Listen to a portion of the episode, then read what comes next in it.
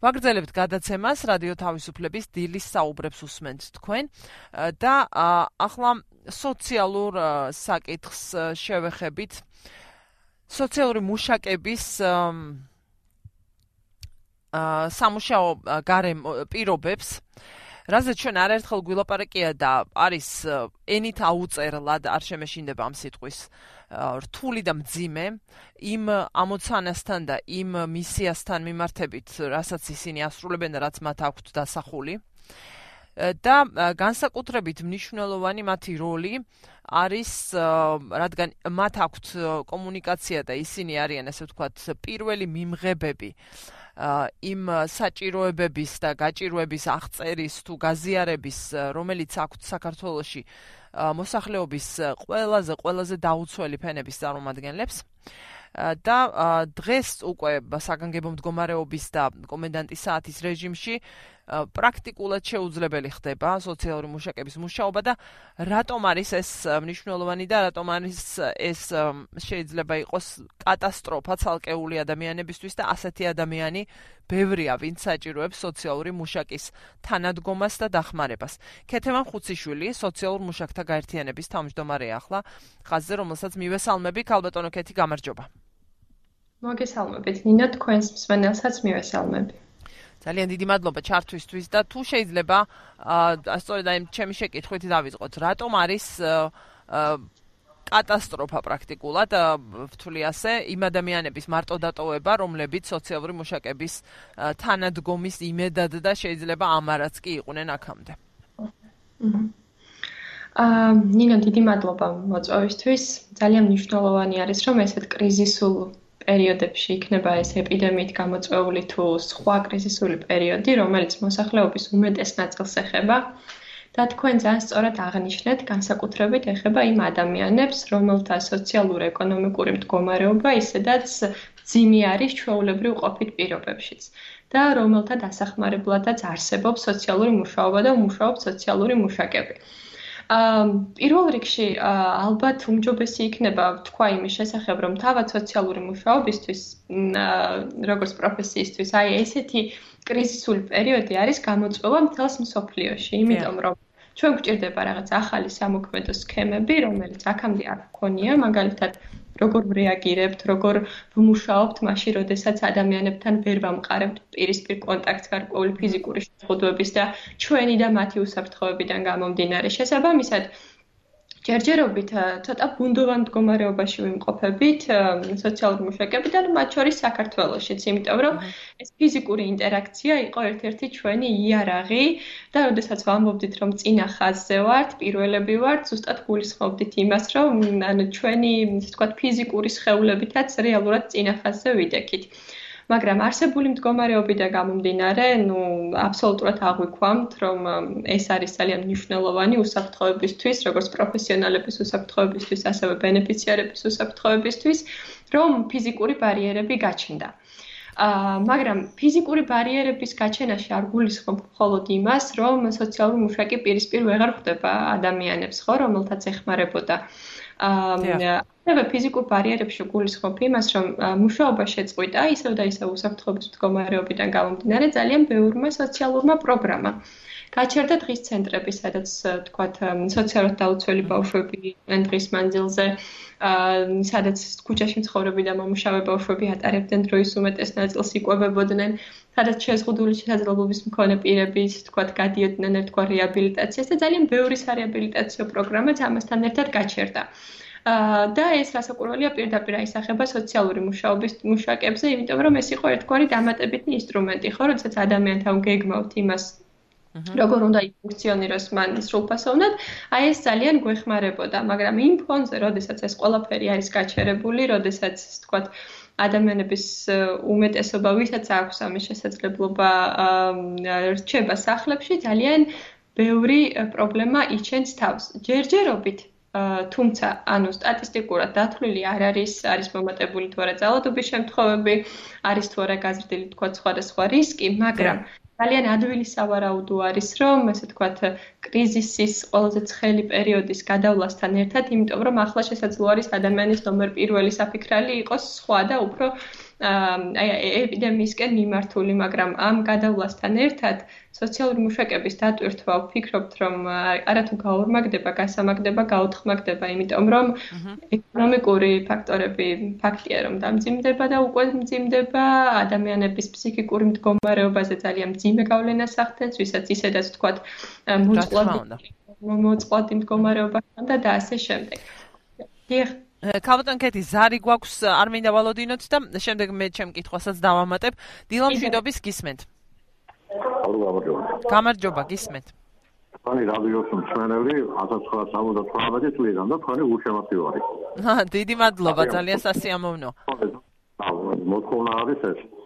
შეგეთხი დაფრის დროს დააწესოთ რაიმე რეგლამენტი 30 წამი 15 წამი 60 წამი თუ რამდენი გნებავთ ერთი. მეორე ესა დარებზე პასუხი ყოველთვის იყოს რა ძალიან ხო გნებავთ ხელი ხაზი გააკეთეთ რა გნებავთ რომ არ ვინდა პირდაპირ ერთში გასვლა უფრო შეგიძლიათ დავსამ და თუ საკითხი შევხვით მე იმაზე პასუხი გაეცით. შეწყობინება პირდაპირ პასუხი არ მემიღია ოდის ის წაიწინასომა მინდოდა შეკითხვა დამეთქვა ახლობით 10 წუთის განმავლობაში ძალი შემოდიოდა და არავინ ატაშუქნა. აა, მესმის. ხო. მოგიყვარეთ, სამი თავი ბოდიშში. ხო, და ინტერნეტთან ყველა სწდომა არ აქვს, მესმის. ძალიან დიდი მადლობა ამ რჩევებისთვის. ხო, ყოველას ვერ გავითვალისწინებთ, მაგრამ მივხვდი რა პრობლემაზეც ბრძანებთ. დიდი მადლობა. სამწუხაროდ ერთი ხაზი გვაქვს სატელეფონო შემომავალი და ამიტომ ვერ ვახერხებთ ერთდროულად რამდენიმე ზარის მიღებას. ამისი ალტერნატივა არის, რომ მოგწეროთ ინტერნეტში, მაგრამ თუ კი არ არ ხმარობთ ინტერნეტს, ამასაც ვერ გააკეთებთ, არ ვიცი რა უნდა ვქნა რაღაცას. რაღაცას მოვიფიქრებთ ალბათ და წინ წავალთ. კიდევ არის ზარი დილამშვიდობის გისმენთ. არა, დილამშვიდობის არის მის კარგად სვენელის. ალო? არა, შეიძლება. ცა პრაქტიკულად არის მის ხმა თუ შეიძლება გადმორეკოს რა სცადოს. მანამდე მე დავსვამ შეკითხვას, რაც მთავარი საკითხია.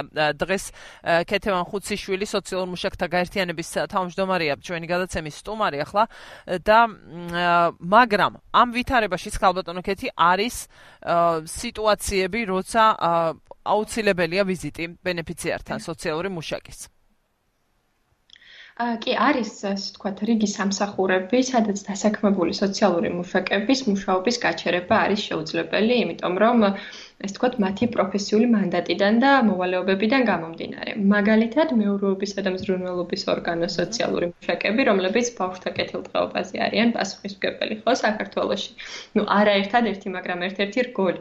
და შესაბამისად ეს არის ერთ-ერთი ის უწყება, რომელმაც მუშაობა ამ პირობებშიც ვერ შეაჩერა. მართალია, გარკვეული უსაფრთხოების ზომები იქნა მიღებული, შეიქმნა სამორიგეო სქემა, რომ ბევრმა თანამშრომელმა არიარო სამსახურში მიეცათ თქვა დისტანციურად მუშაობის რეკომენდაცია, მაგრამ ამ სამსახურს მოკლედ ამ სამსახურის სოციალური მუშაკები ვერ ჩერდებიან და ვერ გაჩერდებიან. და მათ უწევთ რასაკვირველია სამსახურში სიარული და საჭიროების შემთხვევაში ჩვენ ვეძახით ხოლმე ეგრეთ წოდებულ გადაუდებელ შემთხვევებს, როდესაც ასე ვთქვათ, ან ბავშვის ოჯახისგან განცალკევების რისკი დგება, ან ბავშვი ხდება ძალადობის მსხვერპლი, ან ბავშვისადმე უმეთვალყურეოდ არის და კლინიკაში მაგალითად და ასე შემდეგ, სადაც აუცილებელი ხდება სოციალური მუშაკის ჩართვა. აა და ასეთ შემთხვევაში რასაკვირველია მთელი საქართველოს მასშტაბით სოციალური მუშაკები არიან მობილიზებული. აა და სადაც თქვათ ისეთ რაიონში, სადაც თქვათ მხოლოდ ერთი ან ორი სოციალური მუშაკი იყო, რასაკვირველია ისინი ვერანაირ სამორიგეო სქემაში ვერ ხდებიან და ყოველდღიურად დადიან სამსახურში. თუ გავითვალისწინებთ იმას, რომ ჩვენ როდესაც ჩვენს წევრებს სოციალურ მუშაკებთან ჰქონდა ამაზე კომუნიკაცია, გულწრფელად გეტყვით, რომ ასეთი ტიპის კომუნიკაცია გქონდა, რომ ესეთი კრიზისული ვითარება არის ქვეყანაში და მოდით აი ამ ტექნიკურ საკითხებზე ვთქვათ, ნუ ვილაპარაკებთ, ეხლა მოვითმენთ, ჩვენით გადავიხდით, ჩვენით გავუმკლავდებით, მაგრამ გონია რომ ეს არ არის სწორი და რატომ? იმიტომ რომ ის ფაქტი რომ ქვეყანაში არის ეპიდემია არნიშნავს რომ ეს თქვა მდგომარეობებზე თვალი უნდა დავხუჭოთ და ადამიანი რომელსაც წინახაზე ვუშვებთ მაგალითად უნდა მყავდეს ასეთ შემთხვევაში ტრანსპორტირების გარეშე. აა თქვენ მოგეხსენებათ რომ საზოგადოებრივი ტრანსპორტი გაჩერებული არის, აღარ მახსოვს რომელი დღიდან და იმისთვის რომ ადამიანი გადაადგილდეს სამსახურში მას ჭირდება ან საკუთარი ავტომობილის სარგებლობა, ან ტაქსის სერვისის მომსახურება. და სოციალურ მუშაკებთან, ესე თქვა, გულისხმობ ახლა სახელმწიფოს რუნის სააგენტოს სოციალურ მუშაკებთან ესეთ ესე თქვა არაერთგვაროვანი მიდგომა არის, იმიტომ რომ ზოგიერთ რაიონში უზრუნველყო დამსაქმებელმა ტაქსის კომპანიებთან ხელშეკრულების გაფორმება გადაადგილდებიან, მაგრამ უმეტესად უმეტესად სოციალურ მუშაკებს უწევთ იმისთვის, რომ მართლაც ფასდაუდებელი და ასე ვთქვათ, მყისიერი დახმარება მიაწოდონ ასე ვთქვათ ადამიანებს, ბავშვებს ასეთ შემთხვევაში, პირველი რომ თავისი ფულით გამოცხადდნენ სამსახურში, თავისი სახსრებით დაბრუნდნენ უკან და ეს რასაკვირველი არ არის ის საკითხი, რომელსაც ახლა მოცდა და გადადება ღირსი. კრიზისში წარმოიშვა და კრიზისშივე უნდა მოგვარდეს. უმეტეს ეს არ არის პირველი, როდესაც ჩვენ სოციალური მუშაკების ტრანსპორტირებაზე პრობლემას ვამახვილებთ. ან დაახლოებით ესეთი რამე არის, რომ სასტრაფო დახმარება ყავდეს, რომელსაც მაგალითად არ ექნება საწვავი, არ ექნება ბორბლები, ან არ ეყოლება მძღოლი. ასეთივე მდგომარეობაში ვტოვებ ჩვენ სოციალურ მუშაკებს, რომელსაც იმაზეც უნდა იფიქროს, იმაზეც უნდა იფიქროს, თავისი საქმეც უნდა აკეთოს და სამწუხაროდ ძალიან მწვავედ არ ვიფიქრებდით სიმართლე რომ გითხრა რომ ამ ეპიდემიის ფარგლებში ასეთ წავედ დაუდგებოდა სოციალურ მუშაკებს ეს საკითხი და ესე თქვათ ცენტრალურ დონეზე არ მოხდებოდა პრობლემის გადაწყვეტა, მაგრამ სამწუხაროდ მივედით ამ მოცემულობამდე. რომ ხო ტრანსპორტირების პრობლემა დგას ჩაულებრივად. მე მაინტერესებს თუ გაქვთ სოციალურ მუშაკებს და მსმენელსაც შემოუშვებ კი, თუ გაქვთ სპეციალური საშვები კომენდანტის საათის დროს. არიან რიგი სოციალური მუშაკები ამავე წყებაში, რომელსაც დავასახელე, რომელთაც აქვს სპეციალური საშვები, იმიტომ რომ გადაუდებელ შემთხვევაში გავიდნენ ფრიდან. სმენელს მოусმინოთ 2 წუთი გრჩება, არც კი დასრულებამდე გადაცემის დილამშვიდობის გისმენთ. ალო. გამარჯობა, გისმენთ.